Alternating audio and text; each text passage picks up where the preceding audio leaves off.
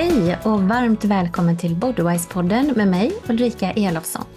Här får du inspiration och tips på vad du själv kan göra för att stötta din hälsa med hjälp av kost och livsstil. I det här avsnittet djupdyker vi in i det här med ljus, vilket ju känns extra aktuellt under den här årstiden. Jag pratar med Fredrik Paulun om rödljusterapi. Vi pratar bland annat om vad rödljusterapi är, vem som kan ha nytta av det och vilka de potentiella hälsoeffekterna är. Fredrik har dessutom ett fint erbjudande till dig som lyssnar om du är sugen på att själv köpa en rödljusprodukt. Med koden Nutrilite20 får du 20% rabatt hos Nutrilite.se. Tusen tack för att du lyssnar på Bodywise-podden. Hoppas att du vill hjälpa mig att sprida avsnittet genom att gilla och dela. Som vanligt får du ett nytt avsnitt om två veckor. Och du, du vet väl att du kan boka mig för föreläsningar till jobbet eller privata grupper. Du hittar mer info om detta på min hemsida.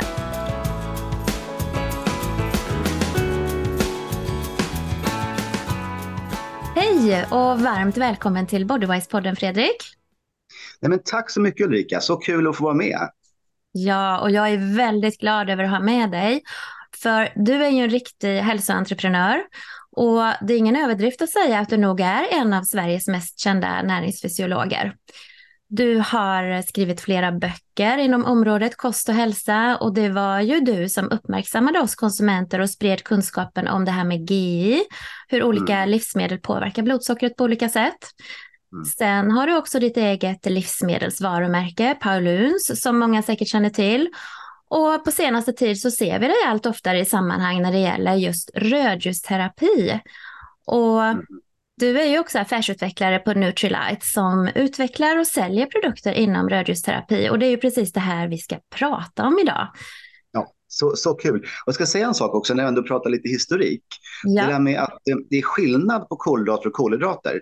Eh, det tyckte man inte då på 90-talet. Det var liksom socker och fullkornsbröd gav liksom samma effekter på hälsan. Det var kolhydrater, punkt.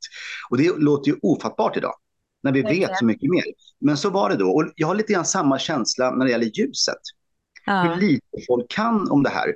Och jag har börjat gräva i det nu. Jag har börjat lära mig. Jag är en elev i det här sammanhanget. Jag är ingen egentligen partikelfysiker, men jag lär mig hela tiden. Och jag har precis samma känsla. Jag sitter med ett koncept, en tanke, något viktigt att föra ut som kommer förändra allt. Så att om, mm. om 10-15 år, då kommer man ha en helt annan syn på ljuset. Det är det som är så speciellt. Vi är i en tid nu där allt händer. Jag, jag kallar det för ljusrevolutionen faktiskt av det skälet. Ja, och det är ju namnet på din bok också. Ja, precis, exakt. Det är det jag vill få ut. Att ljus är så mycket mer än bara belysning. Det går in i våra kroppar. Eh, och det här visste inte jag själv förut, men när du är ute och går i solen, eh, om, om solen skiner, du känner att det värmer på kläderna, fast du är fullt påklädd kommer ungefär 60 procent av dina celler att nås av ljuset. Och det är alltså det infraröda ljuset som inte syns. Men din kropp fylls av det här ljuset och det gör massa saker i kroppen. Det är så man måste se det här. Det går alltså in i kroppen, fungerar som ett näringsämne nästan. Och sen då påverkar oss i, i grunden. Väldigt, ja. väldigt fundamentalt. Och det här ska ju vi djupdyka mer i idag då. Eh, mm. Jättespännande tycker jag och eh, jag tror ju att de flesta lyssnare känner till dig redan, men jag undrar ändå om du skulle ha lust att berätta lite kort om dig själv, kanske om du har någon egen hälsoresa och hur du kom in på det här med ljusterapi. Definitivt. Så jag är 53 år enligt eh, passet. Um, jag är bara 29 rent biologiskt, det har jag testat. Så det, Aha, det är väldigt stolt. Men, men, men 53 säger passet att det är och det innebär att jag har levt ganska länge, varit i branschen i över 30 år faktiskt. Jobbat med kost och hälsa och, och det har varit mitt huvudområde egentligen i 30 år, det här med kost. Så jag har skrivit ett 20-tal böcker, föreläst i hela landet, runt om, tusentals gånger. Jag har verkligen varit aktiv och, och älskat mitt jobb. Jag tycker det har varit så spännande, så intressant. Men sen hände någonting. December 2019, jag minns exakt när det var hände. Det var så att jag Ehm, eh, jag har många gamla vänner och en gammal vän, eh, han är överläkare på Akademiska sjukhuset i Uppsala en eh, akademiker, alltså läkare, väldigt, väldigt kunnig. Jag respekterar honom så mycket. Vi pratar mycket om saker som inte hör till det normala inom nutrition och så där, utan mycket om kvanthälsa och så där. Och det intressanta med honom, det var att, att han eh, ofta lär sig saker, koncept och sånt, och sen bara presenterar det för mig, som nu. Han sa, du Fredrik, du som tycker att det är intressant det här med att, att lära människor äta bättre och må bättre. Titta på det här med ljus, för det är precis samma saker i kroppen, det är samma effekter. Det kan dämpa inflammationer, minska kroppsfett, öka muskelmassa, allt det där. Och det lät ju helt otroligt tycker jag, eh, när vi då pratar om ljus. Eftersom Verkligen. ljus är ju någonting lite abstrakt, till och med osynligt. Det mesta ljuset syns ju inte ens. Ehm, I UV ser vi inte, det här UV-ljuset, vi ser inte IR. Så vi ser bara det, det synliga ljuset, men det andra ljuset finns där eh, likväl. Hade det varit en helt annan art, hade det varit till exempel skallormar, då hade vi sett eh, det här IR-ljuset för att kunna hitta den här lilla, lilla musen i mörkret. Så då kan man se eh, på ett helt annat sätt om man hade den typen av, av seende. Så, så ljuset egentligen, det är bara människans uppfattning av ljuset. Eh, det finns där fast vi inte ser det. Och det här var så intressant för att först var jag väldigt skeptisk. Jag började läsa studierna han refererar till och så inser man att det stämmer ju. Eh, vi kan alltså med, med ljus, och då snackar vi om lampor, rödljusterapi, eh, plocka ut två av de här våglängderna som finns i solen, belysa kroppen och få en kaskad av effekter. Då visar det sig att ljuset går in och påverkar mitokondrierna. Det är det mest centrala vi har. Mitokondrier är ju kroppens energiverk. Eh, där vi helt enkelt producerar ATP som är vår energivaluta. Utan det funkar ingenting. Ett bra exempel på vad som händer om, om mitokondrierna slutar funka, det är om man tar cyanid. Eh, då stängs elektrontransportkedjan av, puff, och den slutar funka. Man dör på 20 sekunder. Det finns jätteotäcka sådana här klipp. Eh, det var någon, någon sån här eh, krigsbrottsling i Haag jag vet inte om du minns det för några år sedan, som tog cyanid i domstolen. Och han dog på 20 sekunder. Han bara segnade ner och försvann. Så det säger någonting om mitokondrierna, hur otroligt viktiga de är. Och de ligger och tuffar och puffar och jobbar, producerar ATP. Men ju äldre vi blir, desto trögare går det. Eh, och många sjukdomar som finns har i alla fall ett ben i en försämrad mitokondriefunktion. Mm, och det är kanske är därför vi blir tröttare och tröttare också när vi blir äldre. Yes, det är en av orsakerna. Det finns fler, men det är en jätteviktig orsak. Och det är det som är så häftigt. Att om man då belyser de mitokondrierna med rött ljus och nära infrarött ljus, då vaknar de. De ökar upp sin produktion av ATP till normala nivåer. Man kan till och med se att antalet mitokondrier ökar. Vilket gör att du får fler mitokondrier, fler kraftverk. Det är klart att det är bättre att ha ett kraftverk till. Då får du mer energi. Så med ljus så kan vi upprätthålla eh, den här energiproduktionen. Så det är väldigt, väldigt intressant. Så en en viktig aspekt, det är alltså energiproduktion. Men sen vet vi att ljuset gör så mycket mer. Till exempel så vet vi att eh, på vintern nu, nu är vi inne i ganska grymma tider, det är mörkt ute och vi har en, en mycket högre dödlighet i hjärt-kärlsjukdomar. Den är alltså 25-30% högre nu på vintern. Och det beror på att när man får ljus i kroppen så bildas kväveoxid. Och kväveoxid är en liten molekyl som får våra kärl att vidga sig. Det håller oss vid liv helt enkelt. Det blir inte en blodpropp. Det blir ingen infarkt, det blir ingen stroke. Så att det här är en jätteviktig aspekt också på det här knall-falldöd som jag kallar det. Risken att dö här och nu. Eh, så ljuset håller oss vid liv. Och det innebär att nu är det problem på, på vintern. Eh, så då måste man ta till alternativ som kanske solarium och så vidare som kan göra det här också. Mm, och det finns alltså statistik på det här, att dödligheten ökar i den mörka ja. Mm. Det är bara att gå in på um, SCB, statistikbyrån kallas det numera, och titta på dödlighet. Eh, då kan man se varje månad har man då statistik för. Och då ser man att Eh, under eh, december, januari, februari som värst, då är det flest människor. Och nu är det oavsett orsak. Och sen ser man då i maj, juni, juli, då dör det mycket färre människor. Också oavsett orsak. Och då säger en del, kanske julmat, vi äter lika mycket till midsommar så det stämmer inte. Så det man är helt säker på idag, vilket också forskare eh, så säga, skriver under på, det är att solen ger kväveoxid som håller ner blodtrycket, som gör att vårt kärlsystem fungerar bättre och därav den här minskade dödligheten i hjärt-kärlsjukdomar. Så den är dokumenterad. Mm. Spännande. Men du, eh, du har ju berättat nu om ljusets effekter och hur viktigt det är för oss. Men om man inte känner till så mycket om det här med just ljusterapi så kan ju det upplevas som lite flummigt kanske och lite diffust och kanske till och med lite läskigt att belysa kroppen på det här sättet då.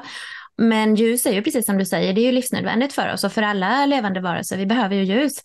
Um, kan du inte berätta lite mer kring det och även det här med D-vitamin och, som vi får från solen då? Absolut. Och just ljuset, eh, det är fotoner kallas det här. Den partikel vi får så att säga. Och det, det kan komma i olika våglängder. Det är det som är hela nyckeln här. Och fotoner som har väldigt eh, korta våglängder, det är till exempel UV-ljus. Och det kan ju vara farligt för oss. Det är alltså inte synligt, men det som gör oss rödbrända om vi är ute för länge i solen. Och det visar sig att när man har så korta våglängder som det har så blir det en, en hög eh, energinivå så att säga. Det når inte djupt i, i kroppen, men det påverkar ytan och där kan det ge cellskador. Men också bilda D-vitamin Så det här är verkligen plus och minus. Och det innebär att får du lite UV-ljus, då är det bra för dig. Får du mycket så du blir bränd, då är det dåligt för dig. Om du dessutom använder solskyddsfaktor och, och är ute mycket längre än vad du egentligen borde, då är det också dåligt för dig. Så att, eh, man kan säga att du blir inte röd av när du använder solskydd, men du blir skadad. Um, och det enda syftet med solskyddsfaktor egentligen, det är att inte bli röd. Det har inget att göra med hudcancerrisk, inget sånt alls. Det snarast ökar risken för hudcancer om man använder det eh, kontinuerligt och ut och pressar i solen. Mm, och det här att, kanske det... verkligen låter konstigt för människor här nu då, för vi har ju fått lära oss att vi måste använda solskydd för att skydda oss mot solen. Ja, och det, det är egentligen helt fel. Det man ska göra är att bli lite lätt bränd, alltså brun, så att säga, få en lätt solbränna. För att det är melanin som bildas. Melanin är en supermolekyl som absorberar alla våglängder av ljus. Så du bygger alltså upp ett eget försvar om du har en liten lätt solbränna. Det är en solskyddsfaktor på mellan 5 och 10. Så har du det, plus att du använder hatt, du täcker kroppen mellan säg 12 och 3 när det är som soligast, då är det inga problem. Det behövs inga solskyddskrämer. Det är till och med så att om man tittar på ett år i, i Stockholm och mäter solintensiteten, hur många dagar per år är det motiverat att ens fundera på att skydda sig mot solen? Då visar det sig att det är en dag per år i snitt. Så vi har ett extremt UV-fattigt klimat. Så även om solen skiner så är UV-strålningen väldigt, väldigt liten och låg. I Australien är det ungefär 360 dagar per år. Men vi har samma råd som de har. Så det här är upp och nervända världen. Så i, Sverige, solskyddsfaktorer och krämer och sånt, det finns ingen anledning att ta dem. Ingen alls. Eh, däremot att skydda sig när det är som soligast eh, och faktiskt då vara lite smart, bygga upp en solbränna, det är väldigt intressant. Sen kan man också med maten faktiskt Eh, också ge en bättre solskyddstolerans, så att säga. Genom att äta mycket antioxidanter, äta fiskfett, eh, äta lite av det här processade, socker, fröoljor och sånt, det, det, ökar stressen i kroppen, oxidativ stress. och kan alltså förvärra solen. Så det handlar om både vad du äter och hur du beter dig i solen. Men med det sagt så kan jag säga att, att UV-ljus är i grund och botten positivt. Men sen har vi då det synliga ljuset, hela regnbågen egentligen. Och det är vitt ljus. Och du ser att du sitter och har en belysning på dig. Och det är faktiskt så att det här vita ljuset är en blandning av alla färger huller om buller. Så vågorna ligger huller om buller och då ser vi det som vitt ljus. Eh, och det innebär att just nu belyses du av blått ljus, grönt ljus, gult ljus, orange ljus och rött ljus. Det är de som finns där. Och eh, ju längre våglängder, jag nämnde dem nu i liksom eh, eh, ökande våglängders ordning så att säga, så rött ljus har längst våglängder. Då ser vi att de går in djupare i kroppen. Och rött ljus, det går in ungefär 3 centimeter i kroppen. Det kan man testa genom att tända sin lilla ficklampa på mobilen. Det är rätt intressant faktiskt, för att det, det är så himla tydligt då. Om man tänder den, nu ser inte lyssnarna vad jag gör. Nej, men lyser. jag gör det också nu. ja, då sätter jag tummen på själva ficklampan. Ja. Det är en färg som dyker upp. Och det är rött. Ja, verkligen. att det röda eh, har så långa våglängder att det faktiskt går igenom eh, mitt, mitt blod, mitt ben, min fascia, mina muskler i tummen och når in ganska långt i kroppen. Alla andra våglängder filtreras bort. Så du menar att vi kontinuerligt exponeras för rött ljus egentligen då? Konstant, konstant. Mm. Och problemet är ju nu att vi är fullt påklädda. Vi har LED-lampor som inte räcker särskilt långt, så vi får inga hälsoeffekter av det här att sitta inne. Däremot är du ute i solen, då får du jättefina effekter av det som finns i solen, de våglängderna. Du får UV, som då ger D-vitamin bland annat, det ger också uppåt 40 andra biologiska effekter, så UV-ljus är bra. Men sen får du det snälla röda ljuset. Och kanske viktigast av allt, det nära infraröda ljuset. Det som du inte kan se, men som ligger precis bortom det röda. Och då visar det sig att vi kommer från Afrika, det är människans ursprung. Vi har levt med solen som vän och fiende eh, året runt. Då visar det sig att eh, på morgonen, när solen står lågt, så är det väldigt lite UV. Det filtreras bort av atmosfären. Eh, det blir mycket längre distans för ljuset att färdas genom atmosfären. För det är det finurliga här, att när solen avger ljus, då finns det ju ingen atmosfär som, som tar bort ljuset det färdas i vakuum hela vägen till jorden. Men när det kommer till jorden så har vi atmosfär som helt enkelt då absorberar ljuset. Och då visar det sig att morgonsol och kvällssol har väldigt lite UV, men väldigt mycket rött ljus och nära infrarött ljus. Det är därför som sol, solen på morgonen och kvällen värmer väldigt gott. Det är därför kvällshimlen ofta är röd. För att de våglängderna kommer ner till jorden. Och då är det finurligt nog så att vi biologiskt är gjorda för att kliva upp på morgonen när, när solen stiger upp Få rött ljus nära infrarött ljus, förbereda kroppen för att få UV-exponering. För det är vad som händer. Vi liksom preppar kroppen för att få det här lite mer skadliga ljuset. Vi får skadligt ljus på dagen och sen på kvällen så läker vi skador med hjälp av rött ljus, närinfrarött ljus. Så det naturliga är att få det här på morgonen och på kvällen. Då tål man UV-ljus också mycket bättre. Eh, och det är fascinerande med det här. Och det intressanta också är att eh, när man får närinfrarött ljus, men också faktiskt UV, då aktiveras en gen. Och det här kan jag säga, alla som tycker det här är spännande, googla, för det är för mycket att prata om här, men det heter POMC. Eh, Preopiomelaноkortin står det för, PMOC. Det är en gen som aktiveras av UV och närinfrarött ljus. Och den finns i huden, den finns i ögonen, den finns till och med i lungorna av någon anledning och den finns i tarmen. Och det visar sig att eh, när den aktiveras av UV-ljus eller närinfrarött ljus så eh, produceras det ett jättelångt protein som beroende på vilken tid på dagen det är bryts ner till olika typer av, av substanser. På morgonen till exempel, då ser vi att det här kan reglera stressnivån. Att du kommer igång med kroppen, du vaknar. Du får upp kortisol, du får upp blodsocker och så. På kvällen gör du tvärtom, då ökar melatonin så att du somnar. Så det här är så otroligt smart. Det, jag tror att det är 500 miljoner år sedan som evolutionen uppfann det här POMSI-genen. Och den är så fantastisk. Och den blockerar vi om vi använder solskyddsfaktor. Den blockerar vi om vi sitter inne. Vi stör den om vi sitter inne och bara får blått ljus till exempel. Så vi ska ut och få morgonsol, ut och få kvällssol och ut och få en viss mängd UV. Då är det väldigt, väldigt bra för oss. Eh, och, så, och POMSI kan jag säga, i och med att vi har uppåt 40 funktioner, så det är för mycket att ta upp här, men mycket av immunförsvaret till exempel styrs av det. Och det mm. innebär att man ska få det här. Ehm, och då undrar man ju, hur gör man då eh, när det är så här mörkt och eländigt? Mm. Och faktum är att du kan få framförallt nära infrarött ljus från andra källor också. Tycker du om att ha en sån eld igång? Har du någon kamin hemma till exempel? Ja, det är jättemysigt. Jag älskar att sitta framför. Öppen spis har ju vi. Och då får du faktiskt nära infrarött ljus. Jaha. Eh, det är, bara, det är bara 10% av elden som är synligt ljus. Resten är nära infrarött ljus eh, och även rött ljus faktiskt. Så att sitta framför elden, det är som att få sol fast i form av ved som eldas då. Eh, människor som lever i geotermiska områden där det finns mycket vulkaner och sånt där, de får ju det från jorden. Men att man kan bo på Island fast man kan få någon sol halva året, det är för att det finns så att säga, sol under jord. Du har en magma som avger enorma mängder NIR, närinfrarött ljus, och det håller cellerna igång. Det är därför man lever så länge i de blå, zonerna. Okinawa, eh, Grekland, eh, eh, Sardinien, Loma Linda, Nicoya i Costa Rica. Det är ju där, där är liksom jordmagman, eller magman i jorden, så är väldigt nära där människor bor och lever. Så man får NIR ifrån jordskorpan också. Så det är inte bara att man lever för att man lever länge för att man äter mycket nyttig mat, utan det är även att miljön där är väldigt gynnsam. Så näringen för ett ljus kan man få från alla möjliga källor. Det behöver inte vara sol. Du kan till och med få det från ett varmt bad allt, allt som är varmt avger nära infrarött ljus. Därför är det så mysigt att ha något varmt på sig och nära sig. Så det kan mm. ge fina effekter i kroppen. Så man måste inte ut och sola, det är det jag vill komma till. Jag sitter ju här nu med en vetekudde i knät för att jag är lite kall.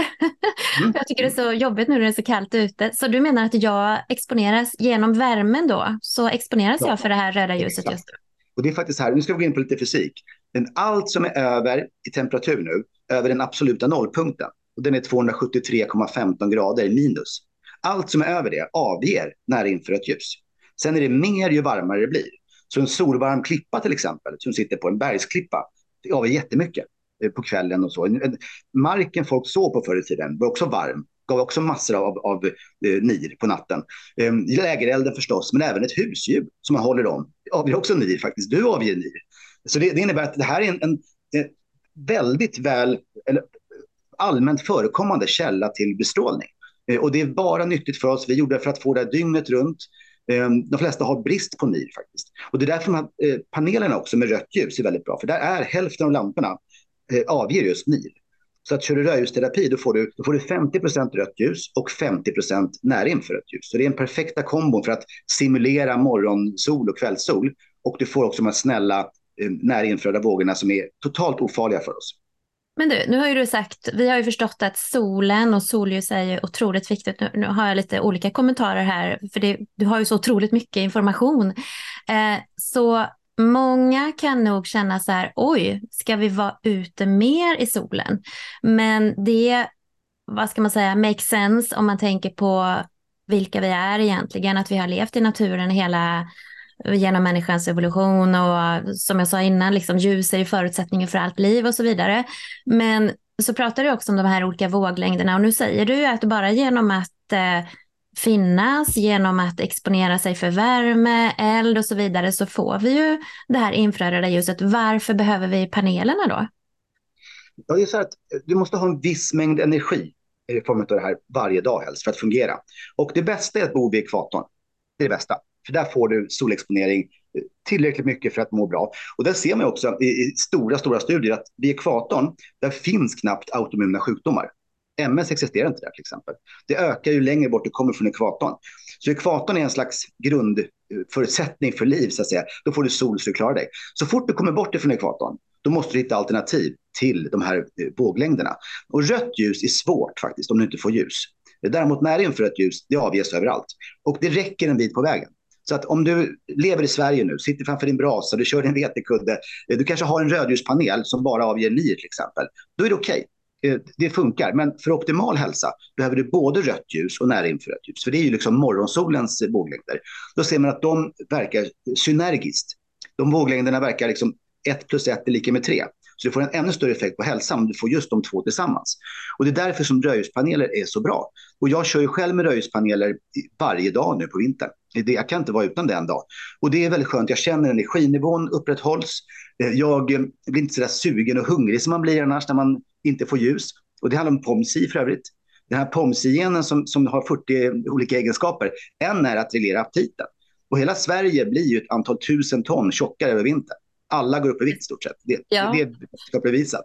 Mm. Eh, och det slipper man om man får ljuset. Man har inte den här hungern, den här mm. överlevnadsstressätandet, utan man, man äter istället så mycket som kroppen faktiskt behöver. Eh, jag ser också att jag inte blir sjuk så ofta. Eh, just nu av, av sex familjemedlemmar är det två som har lite ont i halsen. Jag har inte det. Jag kommer inte få det heller. Jag har väldigt bra immunförsvar av det skälet. Jag märker att jag tänker väldigt klart. Jag får den här klara tanken som jag har på sommaren, även på vintern. För det märker jag i problemet när, man, när det bara är mörkt. Man blir ju grumlig i tanken, man får inte samma energi. Och igår faktiskt, det här är spännande, för att igår började jag skriva på min nya bok. Eh, jag har en helt ny bok som kommer skrivas nu som bara handlar om sol. Min förra handlade både om sol och rödljusterapi. Och nu har jag fått den stora äran att börja skriva en bok tillsammans med eh, Pelle Lindqvist som är professor i det här med, med solforskning. Han, han, är alltså en av världens främsta forskare om det här. Han, han, jag intervjuade honom i min förra bok. Och nu är han med och skriver en bok med mig. Och det är otroligt kul. Mm. För han har så mycket information efter, efter 30 års forskning på det här. Eh, och han, han har ju följt 29 000 kvinnor i Sverige eh, under, under 25 år nu. Och sett deras solvanor, vad händer med dem. Han har så mycket information. Eh, så det, det, är väldigt intressant. Och den studien visar ju att, att de lever mycket längre, de som solar. Oavsett orsak. Det, det är en enorm eh, alltså, minskad dödlighet bland de som får mycket sol. Så att få sol är ju nummer ett. Men det är ju svårt eh, här i Sverige. Och då måste man hitta mm. alternativ. Och då tycker jag röjsterapi är bra. Kan man resa mm. utomlands och vill det och har råd och så där, då är det också ett alternativ att få i alla fall några månader, eh, under, eller några veckor under vinterhalvåret. Det kommer i alla fall ta udden av det värsta när det gäller just solbristen. Men mm. att leva i Sverige, speciellt långt norrut, där, där det är mörkt från liksom, oktober till mars kanske, finns ingen sol. Eh, det är rent sagt hälsovådligt, då måste man hitta alternativ. Eh, och då tycker jag att även solarium faktiskt, vanliga UV-solarium, gör ett visst jobb. Eh, för då får man ju ändå UV som är väldigt ytligt. Man får en liten solbränna, eh, vilket innebär att du har aktiverat din POMSI-gen. För det, det vet vi, utan POMSI-aktivering blir det ingen solbränna. Eh, och det är också bra för hälsan. Och kan du kombinera lite sol, solarium med rödljusterapi, då är du väldigt då är du skyddad kan jag säga. Det är inte lika bra som att få fullspektrum sol, men det är i alla fall second best. Alltså nu säger du ju grejer här som jag tror utmanar väldigt många. Vi ska sola mer och vi ska till och med sola solarium. Mm. Det är nog lite, vad ska man säga, ja, kontroversiellt tycker många då. Det är därför det är en, en ljusrevolution. Och jag kan säga så här också att jag tror många människor har fastnat i eh, någon slags idéer om saker och ting som grundades på 80-talet. Eh, och eh, till exempel kan jag säga så här, många tror att våra myndigheter rekommenderar oss att använda solskyddsfaktor. Många tror att solkräm är någonting som rekommenderas av myndigheterna, men det är det inte. Det är bara, det är bara en uppfattning. Det var till och med så att 2014 så planerar man att göra en sån rekommendation för skol, förskolebarn. Där man då gick ihop eh, Folkhälsomyndigheten, Strålskyddsmyndigheten och så vidare. Eh, och man kom fram till att man kunde inte ge de rekommendationerna. Det fanns inte vetenskaplig grund. Så de kom aldrig. det finns inga rekommendationer om solskyddsfaktorer annat än från enskilda då, hudläkare. Och många har kopplingar till L'Oreal och de här som producerar massa solskyddsfaktorer och så. Så jag, jag, är väldigt skeptisk till de här gamla råden. Och ser du på forskningen kring, kring solarieanvändning, då ser man att om du solar en gång i månaden till exempel, då är det bara positiva effekter på hälsan. Om du bränner dig dåligt, om du bara aktiverar din, din POMSI och får de här gen, den genen som, som gör oss bruna aktiverad, då är det bara positivt.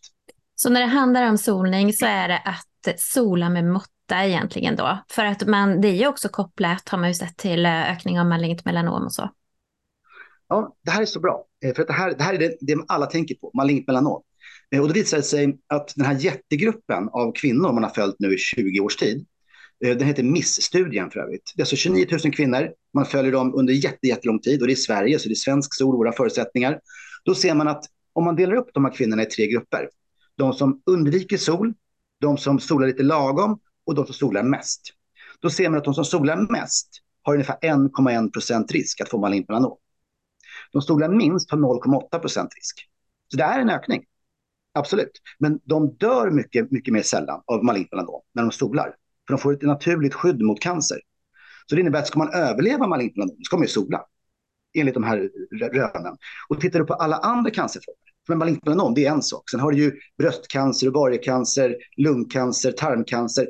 Allt det minskade drastiskt.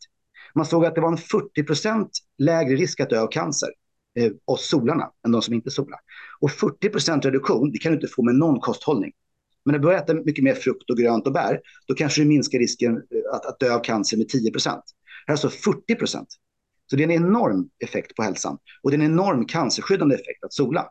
Och då ska man inte använda solskyddsfaktor. För de som gjorde det, smörjde in sig, var ute i solen och inte brände sig, de fick cellskador. Och hade ungefär åtta gånger så stor risk att få malignt melanom av den, eh, liksom den banan. Så solskyddskrämer är farliga. Mm. Okej, och vi har ju tillskrivit de här hälsoeffekterna du pratar om nu av solen. Det har ju vi liksom tillskrivit mycket D-vitamin då, men du menar att det är egentligen själva ljuset? Ja, det finns två jättestora studier på just det här. Där man då tar människor, eh, det här är metastudier, metastudier, så det finns liksom inga större sätt att göra studier än så här. Och då tog man människor då som helt enkelt hade D-vitaminbrist och gav dem tillskott och kolla på hälsoutkomsten av det. Och då ser man att man, man minskar dödligheten något generellt, alltså mortaliteten minskar, men du minskar inte risken för um, typ 1-diabetes, för um, benskörhet och så vidare. Det är själva solen som gör så att det man har eh, trott tidigare var att D-vitamin i sig hade alla de skyddande effekterna. Det har bra effekter, så jag säger inte att man ska sluta äta D-vitamin, men det kan inte, det kan inte svara för allt som höga D-vitaminnivåer ger. Och det är mer en markör för, markör för solljusexponering egentligen. Så har du höga D-vitaminnivåer, du har fått mycket sol, det är det man ser sen. Ger skydd mot benskörhet, ger skydd mot Alzheimers, ger skydd mot, mot cancer och så vidare. Eh, så jag själv personligen ser till att få sol så mycket jag kan utan att bränna mig. Eh, jag använder röjsterapi på vintern. Jag tar mina D-vitamintabletter på vintern. På sommaren gör jag inte det, för det är bara onödigt. Men på vintern gör jag det. Eh, och då känner jag mig garderad och skyddad. Och det, det tror jag är det bästa för, för hälsan här uppe i norr. Mm. Ja, jättebra.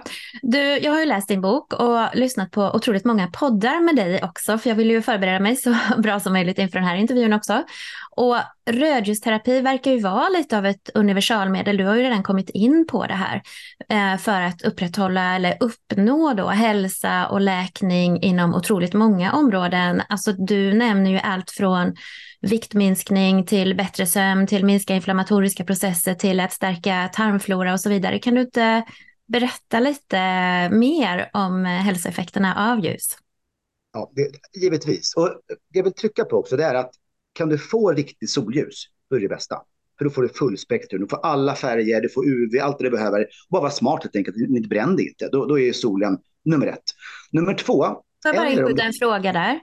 Ja. Eh, då gäller det alltså solljus mitt på dagen, men också solljus på morgonen och kvällen som du nämnde innan då? Ja, speciellt så här, om du har problem med, med, sömn och sånt, då är det jätteviktigt att få morgonsol. För morgonsolen ställer in din cirkadiska klocka, talar om vilken tid på dygnet det är. Eh, så det är jätteviktigt. Du får in sol i ögonen, det påverkar nervcentra i hjärnan, du verkligen vaknar till och nollställer systemet. Eh, men sen också på huden. Eh, och i Sverige är det väldigt svårt att få för mycket. Men om det är så att du känner att du är känslig i huden kanske, se till att utnyttja morgon och kvällssol, för den är så snäll. Den kommer inte bränna dig. Och sen håll dig i skuggan då mitt på dagen när det verkligen är som mest sol. Det här är alltså få dagar per år, så det är verkligen inget stort problem. Problemet är snarare att vi får för lite. Om du bor i ett väldigt varmt land, kanske, kanske någon som lyssnar från eh, Perth i Australien. Jag var där förra vintern, deras sommar alltså. då var det intensivt. Ska jag säga. Då gällde det att hålla sig inne mellan 12 och 3, eller åtminstone under skugga, i skuggan under parasoll. Och det visar sig att om du är i skuggan, då är det på en superplats. För där är UV i stort sett eliminerat, det är väldigt lite UV, men du får ändå närinfrött ljus och rött ljus. Så skugga är en bra plats. Sitt under ett bladverk, det är perfekt, du får ett skydd om du är i ett sånt land. Eh, I annat fall så behöver du inte vara särskilt orolig alls egentligen. Men om man nu inte får solen, då är rödljusterapi second best. För du får precis rätt våglängder, exakt samma våglängder som från solen. Det röda ljuset som går in 3 cm och sen det närinfraröda ljuset som går in ungefär 15-20 cm. Och när jag pratar om att gå in, då pratar jag om penetration. Så långt når vågorna, det vet vi. Men sen finns det också en absorption. Eh, det här, det här ljuset kommer alltså gå in i kroppen så långt, sen absorberas det via nervtrådar och så vidare ut så att hela vävnaden blir nådd. Och som jag nämnde inledningsvis också, eh, får du närinfrarött ljus på dig, då tar ungefär 60 procent av dina celler upp det här. Och det når 60 procent av cellerna. Det är bara en liten del av det inre som inte nås. Eh, och oss barn, då nås 100 procent. Och det visar sig att det här är något som är väldigt viktigt för barn eh, och även för foster faktiskt. Människans fostervatten är perfekt anpassat för att, för att förmedla näring för ett ljus. Så fostret får det här när mamman får ljus på huden. Då absorberas det här och går till fostret och ger normal tillväxt och normalt immunförsvar och så vidare. Så att det här är otroligt viktigt för, för mänsklig hälsa generellt. Eh, och eh, det innebär också att jag använder det som en slags allmänt välgörande medel. Men har jag ont någonstans, om jag har ont till exempel, i somras så var jag ute och jagade ungarna på gräsmattan här och bröt stortån på höger fot. Eh, det gjorde ont, det var en blå läskig tå. Men då körde jag ju rödljusterapi med bara närinfrarött ljus på den onda tån. Och det, alltså det halverar smärtan direkt. Så man känner, jag behöver inte ta några värktabletter. Och man ser att effekten motsvarar ungefär två Alvedon i smärtlindring när du kör en sån session. Och det innebär att du kan ju använda det här när du vill. Har du kroniska smärtor, använd det som, som är liksom att ta udden av smärtan. Eh, kanske kan minska medicinering och så, eh, då är det jättevärdefullt. Och i och med att det är så svårt att överdosera, det, jag vill säga att det är omöjligt med normala paneler, så kör vid behov. Mm. Okej, okay, så vid smärta kan det vara bra. Uh, du har ju tidigare pratat om autoimmuna sjukdomar som ju ökar. Du var inne på det här med MS och så, att man inte ser så mycket av det vid ekvatorn. Berätta lite om det, just med mm. autoimmunitet. Mm. Absolut. Autoimmunitet är ju en luring, alltså för att eh, det är när kroppens immunförsvar angriper vår egen vävnad. Eh, och det, det här är ett svårt jobb för kroppen, för att den ska ju kunna se skillnad på bakterier, på eh, onedbrutna proteiner från maten, som kan ge allergier till exempel, och kroppens egen vävnad. Men det blir inte alltid så. Den försöker bryta ner någonting som den tror är farligt och så råkar det vara så att just den här antikroppen passar att bryta ner även till exempel sköldkörteln. Och då har man antikroppar mot sköldkörteln. Och ett bra exempel där är den här Hashimotos sjukdom som är jättevanlig idag. Eh, framförallt många kvinnor drabbas. Och då ser man att sköldkörteln helt enkelt eh, börjar tappa funktion. Den bryts ner. Sakta men säkert tappar man celler. Cellerna som finns där blir tröttare och tröttare. Den är angripen av vårt eget immunförsvar. Och det här är helt fascinerande för att om man då riktar ljus, rött ljus och närinfrarött ljus mot sköldkörteln och det här är tacksamt för den är väldigt ytlig, den går att nå med rött ljus. Då ser man att man direkt kan, kan förbättra funktionen i, i sköldkörteln. Och i vissa studier har man sett att 40 procent av de som behandlas, de får en helt normal funktion efteråt. De kan sluta medicinera, få helt normala nivåer av, av sköldkörtelhormon igen. Och mm, det är ju fantastiskt. Det är en regenerativ effekt. Och då mm. tror jag att det är så att det, sjukdomen har inte gått så långt. Att du har kvar friska celler som bara är nedsatta. Då kan det komma igen. Sen vissa kan inte bli friska igen, men, men, men man kan tänka att alla blir i alla fall bättre av det. Mm. Eh, och en sak till som händer när man får rödljusterapi, det är att man bildar mer stamceller. Och det här är också väldigt speciellt, för det, det, är ju celler som kan bli vilka celler som helst i kroppen. Och det innebär att du, om du har till exempel en, en skada någonstans, du, du, saknar celler på någon plats, de är, de är förstörda, nedbrutna och så, då kan kroppen helt enkelt bilda stamcellerna, eh, låter dem hitta den här skadade platsen och ersätta de cellerna. Så det kan bli en ny sköldkörtelcell till exempel. Så det finns en rent regenerativ funktion där. Men det är också lite spekulativt, för vi vet inte hur stor verkan det egentligen har. Vi vet att de kan bildas i hjärnan, stamceller, och ge effekter här. Men kan det, kan det till exempel eh, lindra en hjärnskada? Jag troligen kan man få en, en bättre funktion av hjärnan, men kan vi få nya hjärnceller? Det vet vi inte än. Eh, men allt tyder på det faktiskt. Så jag är väldigt positiv till att få det här ljuset för att få stamceller för det har en väldigt föryngrande effekt generellt. Mm, för jag har ju hört dig berätta om att du har eh, pratat med, eh, eller inför, nu vet jag inte riktigt vad det var för grupp, men det handlar om Parkinson i alla fall. Just det, precis. Och det var ju så intressant för att de, alla de som kom och lyssnade och lyssnade på länk och så, de berättade om att på sommaren mår de så mycket bättre. Eh, flera av dem hade hus nere i Spanien och så bara för att komma, komma till solen. Och då visade det sig att när man får sol på huvudet, då når ungefär 10 procent av ljuset in i hjärnan faktiskt. Eh, och genom skallbenet. Så hjärnan får alltså sol. Och I och med att hjärnan är vår mest mitokondrierika kroppsdel så händer det massor av saker. ATP-produktionen kommer igång. Plötsligt fungerar saker och ting mycket bättre, kanske till och med normalt i många avseenden. Och kombinerar man då sol på huvudet, som de här får, med sol på buken. För ligger du i en solstol och får solen liksom på buken, på magen, då når närinfrarött ljus hela vägen in i tarmfloran till din, dina tarmar. Och där minskar man då inflammatoriska bakterier, ökar de, eller de icke-inflammatoriska, så man får en bättre balans mellan de som ger inflammation och de som, som kan motverka det. Och då har du alltså en, en nerv som heter vagusnerven som går direkt från tarmpaketet till hjärnan och där transporteras det ämnen signalsubstanser, inflammatoriska substanser och sånt. Och det blir helt enkelt en mycket mer normal överföring av, av signaler när man då har en bättre tarmflora. Så när man ger Parkinsons patienter behandling antingen med solljus eller med rödljuspaneler på buken och mot skallen, då blir många väldigt mycket bättre.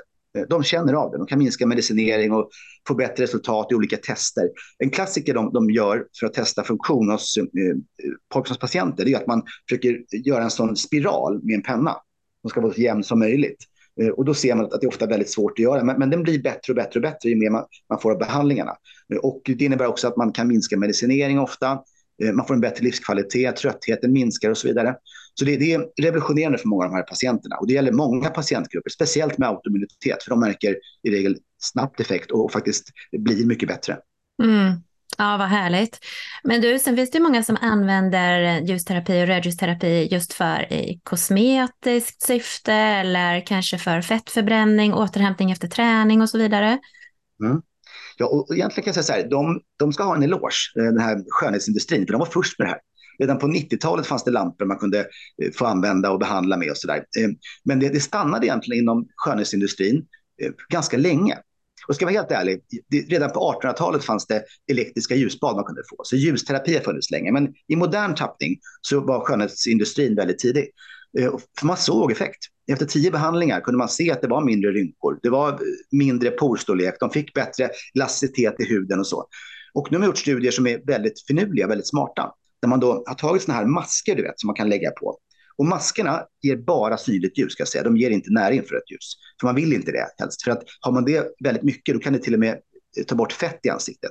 Så man vill ha bäst, mest de här eh, synliga ljusvågorna för att behålla fylligheten.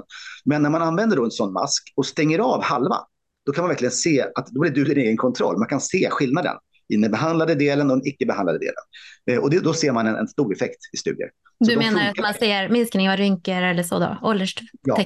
Mm ålderstecken, precis, och porstorlek och glow ökar och sådär. För att kunna mm. behandla andra delar så man blir i balans, så man inte ser ut som en, en väldigt speciell figur. Um, men, men, det innebär att de har sitt, sin eh, funktion, tycker jag, men de är inte för allmänhälsan. De, de går inte in på djupet. Du får inget närinfrarött ljus av dem. Men, men ute efter skönhet, absolut. Det är ofarligt, det är effektivt. Men vill du ha hälsa, då ska du ha andra, andra typer av produkter. Du ska ha paneler som verkligen lyser på kroppen. Och ju större panel, desto bättre. För du vill nå så stora delar av kroppen som möjligt. Och det kan jag också nämna nu för lyssnarna att eh, röjterapi funkar på två sätt egentligen. Dels det här systemiska det vill säga lyser jag på magen så eh, skyddar jag även njurarna och hjärnan och allting som magen pratar med. Ehm, lyser jag på ett ont knä, då minskar jag smärtan där och det är det lokala. Så vi har alltså en systemisk effekt, hela kroppen, och lokala effekter. Har jag till exempel genomgått kirurgi eh, och måste läka ett sår, då ska jag lysa direkt på såret. För då läker det snabbare. Det kan vara 30 procent snabbare. Smärta minskar, allt det där kommer igång. Ehm, så då kan man prata om en lokal effekt. Men det bästa är om panelerna är stora, så man kan köra både systemiskt över hela kroppen och lokalt. Eh, och tränar man hårt vill man gärna få mycket energi, alltså mycket, hög effekt. Man ska in i alla muskler, man ska påverka muskelmassan och då ska man helst ha en väldigt stark lampa också. Mm. För det var det jag tänkte fråga dig om också. Rekommendationer kring exponering, alltså skiljer det sig om man vill till exempel använda det för i skönhetssyfte då eller att läka från skador eller om man har inflammation eller någon form av autoimmun sjukdom? Ja, det skiljer lite grann. Eh, och jag kan säga så här, jag, jag vill ju jag vill verkligen inte dissa någonting i det här fallet. Jag förstår de som tycker att skönhet är viktigt. Det, det är det för många människor. Då är masken bra. Men för alla övriga så tycker jag att de här panelerna är outstanding, för de simulerar ju solen. Det gör inte maskerna. Maskerna är ju för en ytlig behandling. Det går ner kanske 3 centimeter, det går inte djupare än så. Men där gör det verkan. Men de här panelerna däremot, de kan du se som eh, en, en reservsol. Du får samma effekt som från solen. Man ser att inflammatoriska markörer minskar, man ser att hjärnan fungerar bättre, man ser att immunförsvaret stärks till exempel. Kväveoxid ökar, det innebär att du minskar blodtryck, hjärt-kärlrisk och så. Så där får man verkligen samma effekter som från solen. Så det är två olika produkter. Sen finns det små paneler som är handhållna, ofta man kan behandla lokalt. De är ofta för svaga för att ge en effekt i hela kroppen dock. Ska säga. Du behöver kanske 1000 watt eller åtminstone 500 watt någonstans där för att få en effekt på djupet. Eh, och själv har jag faktiskt numera två lampor. Jag blivit en sån här ljuskonnässör. Så jag har en liten lampa fram som ger 1000 watt och sen en stor lampa på, på ryggen som ger 1500 watt. Då kan jag göra en kort behandling, jag kommer in djupt på kroppen. Jag får verkligen en sån allmän hälsoeffekt. Mm. Okej, okay, men hur länge har du själv hållit på med det här och exponerat kroppen på det sättet? Faktiskt, det här är intressant. För mig är det nästan som att eh, min nya tideräkning började i december 19, när, när jag upptäckte det här med ljuset. Så det är liksom sen dess jag har haft intresse för det här. Men jag köpte ingen panel första tiden. Jag köpte min första panel. Eh, det var faktiskt, det måste vara precis när pandemin startade. Eh, då beställde jag en, en panel på 900 watt som jag fick där till sensommaren 20. Och då hände grejer. Jag började använda den här på ryggen. För jag, satt, liksom, jag var ganska bekväm om jag satt med den mot ryggen eh, och kunde kolla av mina mejl eh, på mobilen och ta en morgonkaffe och sådär. Och då visade det sig att jag fick mycket bättre hud i ansiktet. När hösten kom sen, jag brukar alltid bli så fnasig och, och torr och eländig. Jag blev inte det. Eh, och det här var intressant tycker jag, för det innebar att, att behandla ryggen för mig gav mig bättre hud i ansiktet. Vad händer då om jag inte kör det här ansiktet? Vad händer om jag börjar använda det på hela kroppen, mot benmärg och hjärna och sådär? Så att nu håller jag på att flytta runt panelen, försöker verkligen få en behandling överallt. Och det gör mig väldigt, väldigt gott. Mm. Ehm, så att så jag upptäckte det. Och jag har ju jag klarade hela pandemin utan att bli sjuk i covid, vilket var bra. Men jag tror att lamporna hjälpte mig. Det här är verkligen bara en erfarenhet. Det är ingen vetenskap bakom annat än att professorn i, i solforskning sa att det var troligen det. Um, och, och eh, när, när, jag tittar tillbaka på min egen historik kan jag säga att jag, jag har verkligen fått en, ett bättre liv. Jag mår mycket bättre efter. På vintern mår jag nästan som på sommaren. Och, och det bästa med de här lamporna är att du kan känna ditt behov eftersom de frigör endorfiner. Och endorfiner är det som gör att vi känner oss tillfreds och, och belåtna och har, har liksom en stresssänkande effekt, ångestdämpande effekt. Och när jag använder lamporna känner jag att nej, jag är klar. Jag har fått min endorfinnivå. Om jag inte använder lamporna, då vill jag ha choklad istället för att ge det här. Eller ta ett glas vin för att ge det här. Eller något annat som då ger endorfiner. Eh, och det behöver jag inte göra. Utan jag mår som på sommaren, fast jag då inte får sol. Så det är väldigt, väldigt tacksamt. Och jag vet en dag förra året faktiskt var det, i december. Då var det så mörkt, så eländigt. Jag, jag kände verkligen att jag behöver röjsterapi. Då satt jag 45 minuter, vilket är mer än dubbelt så mycket som man brukar göra. Jag kände att jag behövde det. Och sen var jag nöjd och nästan lite euforisk efteråt. Jag kände att det här var så bra för mig. Nu är jag tillbaka, nu är jag back on track. Mm. Eh, så att jag har verkligen upplevt det som väldigt positivt för min egen hälsa. Och det, det är ju här och nu. Sen vet jag att det ger effekter på hälsan även framåt i tiden. Och det kanske jag aldrig märker av, för jag kanske slipper få den här sjukdomen eller slipper få det här tillståndet. Och det är väl det som är det fina i det hela också, att det är, det är långtidseffekter. Mm, precis, som eh, ja, så är det ju när man jobbar med livsstil. Alltså, som du säger, du noterar nu hur du mår och immunförsvaret är bättre. Alltså, ofta kommer ju effekterna lite senare kanske. Mm. Inte med en gång. I och för sig, nu säger du att man kan känna en effekt med en gång också. Um, men jag skulle vilja fråga dig också, nu nämnde du att du satt 45 minuter, mycket längre än vad du brukar göra. Så en session det var en dag jag behövde det. Ja, just det. var extremt. Ja. ja. men så man behöver inte sitta så länge i de här panelerna då? Eh, nej, alltså, så här är det. Det handlar egentligen om, om matematik och fysik. Ju starkare lampa, ju större lampa, desto kortare behandlingstid. Så nu när jag har, de här, jag har en liten sån eh, panel fram och jag har en stor panel bak, då kan jag sitta mellan 7 och 10 minuter. Då är jag klar. Eh, sen har jag drömmen då att köpa sådana panel som är en och en halv meter hög. Det här är verkligen, om jultomten är snäll i år, då, då kommer det sådana paneler. Två sådana rackare på 3000 watt styck. Då kan jag stå fem minuter eh, helt naken mellan de två och få allt ljus jag behöver upp till hakan. Eh, och det, det är coolt tycker jag. Och då innebär att då är mitt liv väldigt effektivt. Jag gör det här för att det är både skönt men framförallt effektivt för min hälsa. Sen vet jag att många tycker den stunden framför rödljuslampan är väldigt behaglig. Och då tycker jag man kan göra det low and slow som det heter, att man sitter med en ganska svag lampa ganska länge. Det finns till och med de som har såna här, du vet, filtar, tecken, som du en vetekudde ungefär. Man, man har någonting över sig som värmer. Och då kan man ha en jättesvag sån, på fem watt kanske, som du har en timme eller två. sitter där med. Du kan inte överdosera det. Så det är ett sätt också att använda rödljusterapi väldigt, väldigt länge och väldigt svagt, för det är väldigt behagligt. Mm. Så det finns ju olika produkter har vi förstått här nu då. Men du, kan det finnas olika tidpunkter på dagen när det är ehm, fördelaktigt att ta en stund med rödljus då? Är det, ja, det liksom på morgonen för att liksom simulera att vi väcker kroppen med eh, solljuset och så? Eller är det på kvällen för att varva ner? Eller hur ser du på det? Det är så intressant för att jag intervjuade en eh, ett forskare från NASA i min bok. Fred Maxick heter han. Han har också arbetat med Vita huset i olika sådana här frågor. Han är ljusforskare. Otroligt skarp hjärna. Så han är med i boken. Och jag frågade honom just hur, hur tänker man kring det här med, med eh, som du säger, våglängderna. Eh, och nu pratar vi alltså om belysning generellt, i, även i hemmet generellt, för att få in i ögonen rätt. Och då sa han att eh, inom NASA så måste man hela tiden hålla astronauterna vid en normal dygnsrytm. Så där har man lampor som man justerar det röda ljuset, närinfraröda och så vidare över dygnet för att det simulerar helt enkelt jordens dygn där uppe. Och då sa han så här att eh, det man har sett i deras studier det är att om man får rätt, rätt på det här, då blir de piggare av ljuset på morgonen och sen tröttare av ljuset på kvällen, fast det är samma ljus. Och samma sak gäller på jorden när vi har då de här lamporna. Att om du kör på morgonen, din rödljusterapi, då blir du pigg av det. Och det har med här POMSI att göra. Att kroppen vet vilken tid det är på dygnet. Och när det då kommer sol, då aktiveras de här grejerna som gör dig pigg. På kvällen, då är det tvärtom. Då vet kroppen att det är en kväll och den här enorma peptiden som bildas av POMSI bryts ner till andra saker. Så det är så otroligt elegant här. Och då ser man att man blir trött istället.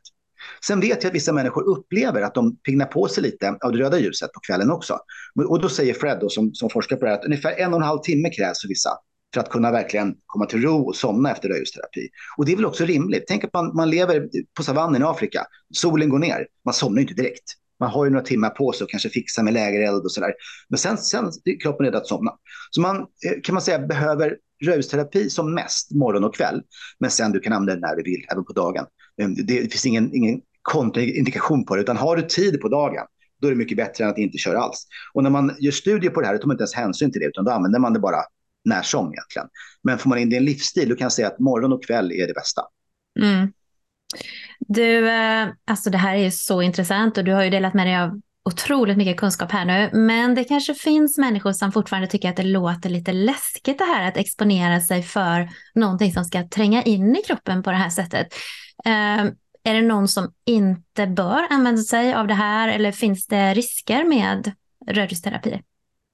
Ehm, jag kan säga så här, jag har läst jag har inte läst alla studier, det finns över 6 000 studier så jag har inte kunnat läsa allt. Däremot har andra läst det, jag har pratat med dem och intervjuat dem. Och jag har frågat samma fråga till dem. Och det är alltså de mest framstående forskarna i världen på rödljusterapi. Eh, och alla säger att det tycks vara fullständigt ofarligt. Men sen finns det vissa sjukdomstillstånd då man inte riktigt vet. Eh, för det finns ingen forskning helt enkelt. Och till exempel så fick jag själv ett mejl. Eh, som du sa, jag jobbar ju med, med Nutrilite och svarar på frågor åt dem. Och jag, jag är deras medicinska rådgivare, vetenskaplig rådgivare. Men sen har jag frågor jag skickar vidare till mina, mitt nätverk där vi har läkare som kan svara på det här. Och då fanns det en fråga som jag inte kunde svara på. Och det var den person som hade en sjukdom där osteoklasterna är överaktiva. Osteoklaster är celler som bryter ner ben. Skelett helt enkelt. Eh, och i normala fall så är osteoklasterna kompis med osteoblasterna. De jobbar i team. Osteoklasterna bryter ner ben, osteoblasterna bygger upp ben. Men i den här sjukdomen så blir osteoklasterna överaktiva och osteoblasterna blir hysteriska. De vill kompensera för nedbrutna benet. Så det innebär att skelettet expanderar och det blir skört. Och det innebär smärta, eh, benskörhet, dålig hälsa. Och då är frågan, ska en sån person använda rödljusterapi? Det vet inte jag, för du kan stimulera osteoklasterna ytterligare i och med att du har fel någonstans. Eh, så det kan jag inte svara på. Eh, däremot när, när det gäller frågor som eh, rödljusterapi och cancer, då säger jag så här, jag vill inte svara, för jag vill inte ge dig förhoppningar. Men hade jag själv haft det, då hade jag troligen använt det. Men även där vet jag faktiskt inte riktigt. Är det så att vissa tumörtyper kan bli aktiverade av det? Det finns inget som tyder på det. Det finns snarast motsatsen i forskningen, men jag kan inte säga att jag vet. För det är ganska lite forskat. Mm. Eh, men ser man på, på cancer generellt och ljus, alltså solljus, där ser vi att det har en kraftig skyddande effekt. Men däremot sagt, när du tar det här som jag beskriver som ett kosttillskott av ljus, för det är vad det är. Rödljusterapi som plockar ut två våglängder. Det är inte alla, men det är två. Det är som att plocka ut D-vitamin och zink ur en fisk till exempel. Du får två grejer.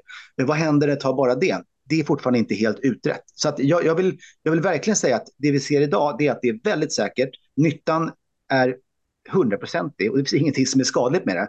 Men sen finns det specifika tillstånd där jag inte kan svära på att det är så. Mm. Men för en frisk människa så ser vi bara nytta egentligen. Mm. Okej, okay, men du, om man nu då skulle vara intresserad av att köpa en panel och testa det här med rörelseterapi, vad, finns det någon slags så här nybörjarpanel eller är det någonting speciellt du tycker man ska tänka på om man vill investera i sin första panel? Då? Ja, alltså jag tänker så här, min första var på 900 watt. Det är en ganska stor panel. Eh, där får du en väldigt god effekt. Så att ska man ha en, en stående hemma som verkligen ger en god effekt, då tycker jag någonstans säg 750 till 1000 watt. Det är ganska bra ingång.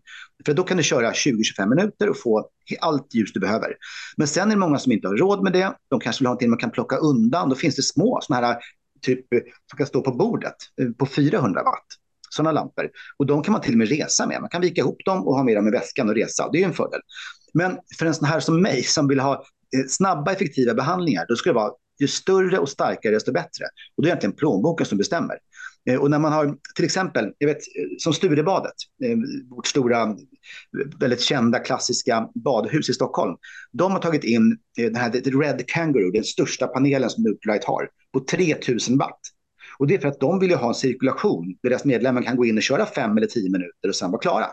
De kan inte sitta en halvtimme och ta upp den här platsen, utan det måste vara cirkulation. Så att där är också stora starka paneler väldigt bra. Man ska liksom få många som använder det. Om man har en idrottsförening till exempel, eller en patientförening och så, då är stora starka paneler bra.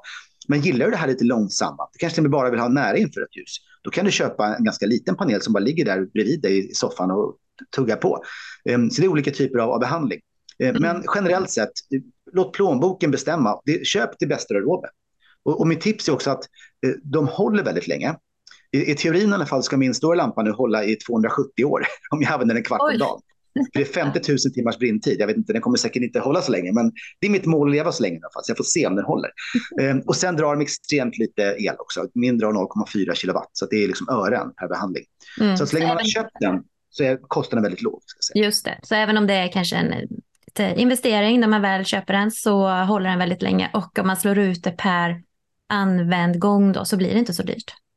Nej, precis. Och jag faktiskt har i boken en, en jämförelse där jag räknar på vad kostar det att förbättra hälsan. Då hade jag eh, nyttigare mat, jag hade träning, jag hade kosttillskott och rörelseterapi. Eh, och det, ja man kan läsa själv, det, det är alltså mat är dyrt. Nyttig mat är dyrt. Å andra sidan så är det väldigt viktigt. Så jag säger inte att någonting är sämre eller bättre än något annat. Men jämför man det med kostnaden röjsterapi så var det bara några procent i, i liksom kostnad om man slår ut det på tio år. år så. Så att det är en väldigt, väldigt kosteffektiv metod att förbättra hälsan. Så kan mm. Ja. Du, vi ska strax börja avrunda här, men äh, tycker du vi har fått med det viktigaste eller är det någonting vi har missat, tycker du, som du vill ta upp? Jag kan säga så här, i och med att jag nu börjar skriva en ny bok om det här tillsammans med, med Pelle Lindqvist här, så kommer jag gärna tillbaka om ett år när den har kommit ut. För det, det finns så mycket mer att prata om solen. Det är så många insikter, så mycket vi måste förstå eh, och även det här med evolutionen är väldigt spännande. Varför mm. vi har utvecklat de här mekanismerna som vi har och varför POMSI ser ut som den gör och så. För förstår man evolutionen, då förstår man också att våra solrod idag är helt tokiga. För vi lever i Europas mörkaste land, i alla fall ett av dem. Vi måste hitta ett nytt förhållningssätt till, till solen och ljuset. Um, och de flesta av oss har brist. Och jag kan säga också nu, um, det här publiceras troligen under en ganska mörk del av året. Jag antar att det inte är så långt bort till publikation, publicering.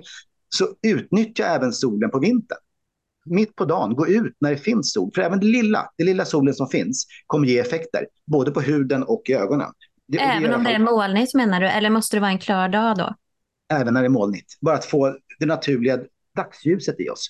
Eh, det gör någonting i alla fall. Sen ju mer sol desto bättre. Och skulle man ha eh, lyckan att hitta en plats i lä, en, en solig vinterdag, Försök täcka av så mycket du kan av huden. Ta in solen. För även om du, om du inte bildar D-vitamin, för det är det som är grejen, man, man bildar inte D-vitamin från oktober till mars i Sverige. UV-nivån är så låg, så bildar du andra saker i kroppen. Du når ändå in till dina mitokondrier, du når in till dina kväveoxidproduktionsanläggningar och så vidare, så att du får massa hälsoeffekter. Eh, så passa på och njut om du kan. Och är du på skidsemester, sitt en stund och bara ta in det här. Sitt liksom i, i solen och, och njut. Um, och täck inte alltid med massa sol, skidglasögon och grejer, utan försök få in det här. Så eh, dra nytta även av vintersolen, det vill jag säga. Mm. Ja, jättebra sista råd i eh, det här mörka årstiden nu då i Sverige. Verkligen, vi får göra det bästa vi kan av situationen. Eh, jag tycker det här har varit otroligt intressant. Tusen tack för att du ville vara med och dela med dig. Och jag tror ju att alla som har lyssnat har blivit både inspirerade och kanske även intresserade av att testa rörelseterapi då. Mm. Jag, ehm. hoppas det. jag kan säga också att eh, om ni vill ställa frågor till mig så gå in på Instagram på Fredrik Paulun eh, och ställ något till mig för jag svarar på allt. Så att allt som berör sol och kost och sånt svarar jag faktiskt på. Så jag, jag, tror inte jag ligger back på någon fråga nu, utan jag är verkligen tillgänglig på det viset. Jag tycker det är viktigt att få ut. Så in på Instagram och ställ frågor till mig. Fantastiskt. Och nu har ju du berättat då var man hittar dig, så det är ju framförallt på Instagram. Mm. Om man vill ha kontakt med dig då. Exakt, det är enkelt. Mm. Ja, nej men tusen tack Fredrik och tack för att du delar med dig, för att du sprider kunskap för att vi ska kunna leva friskare och hälsosammare och mer energifyllda då. Tack Ulrika att du kom med i podden, det var så roligt. Det var verkligen roligt att ha med dig. Ha det så fint. Och vi kanske får anledning att återkomma om något år eller så och prata mer om ja. ljus då. Då kanske Pelle kan vara med också, vår kära professor här, en av de främsta ljusforskarna. Det hade varit fantastiskt. Mm. Okej, ha det så fint. Tack så mycket. Hej då. Hej.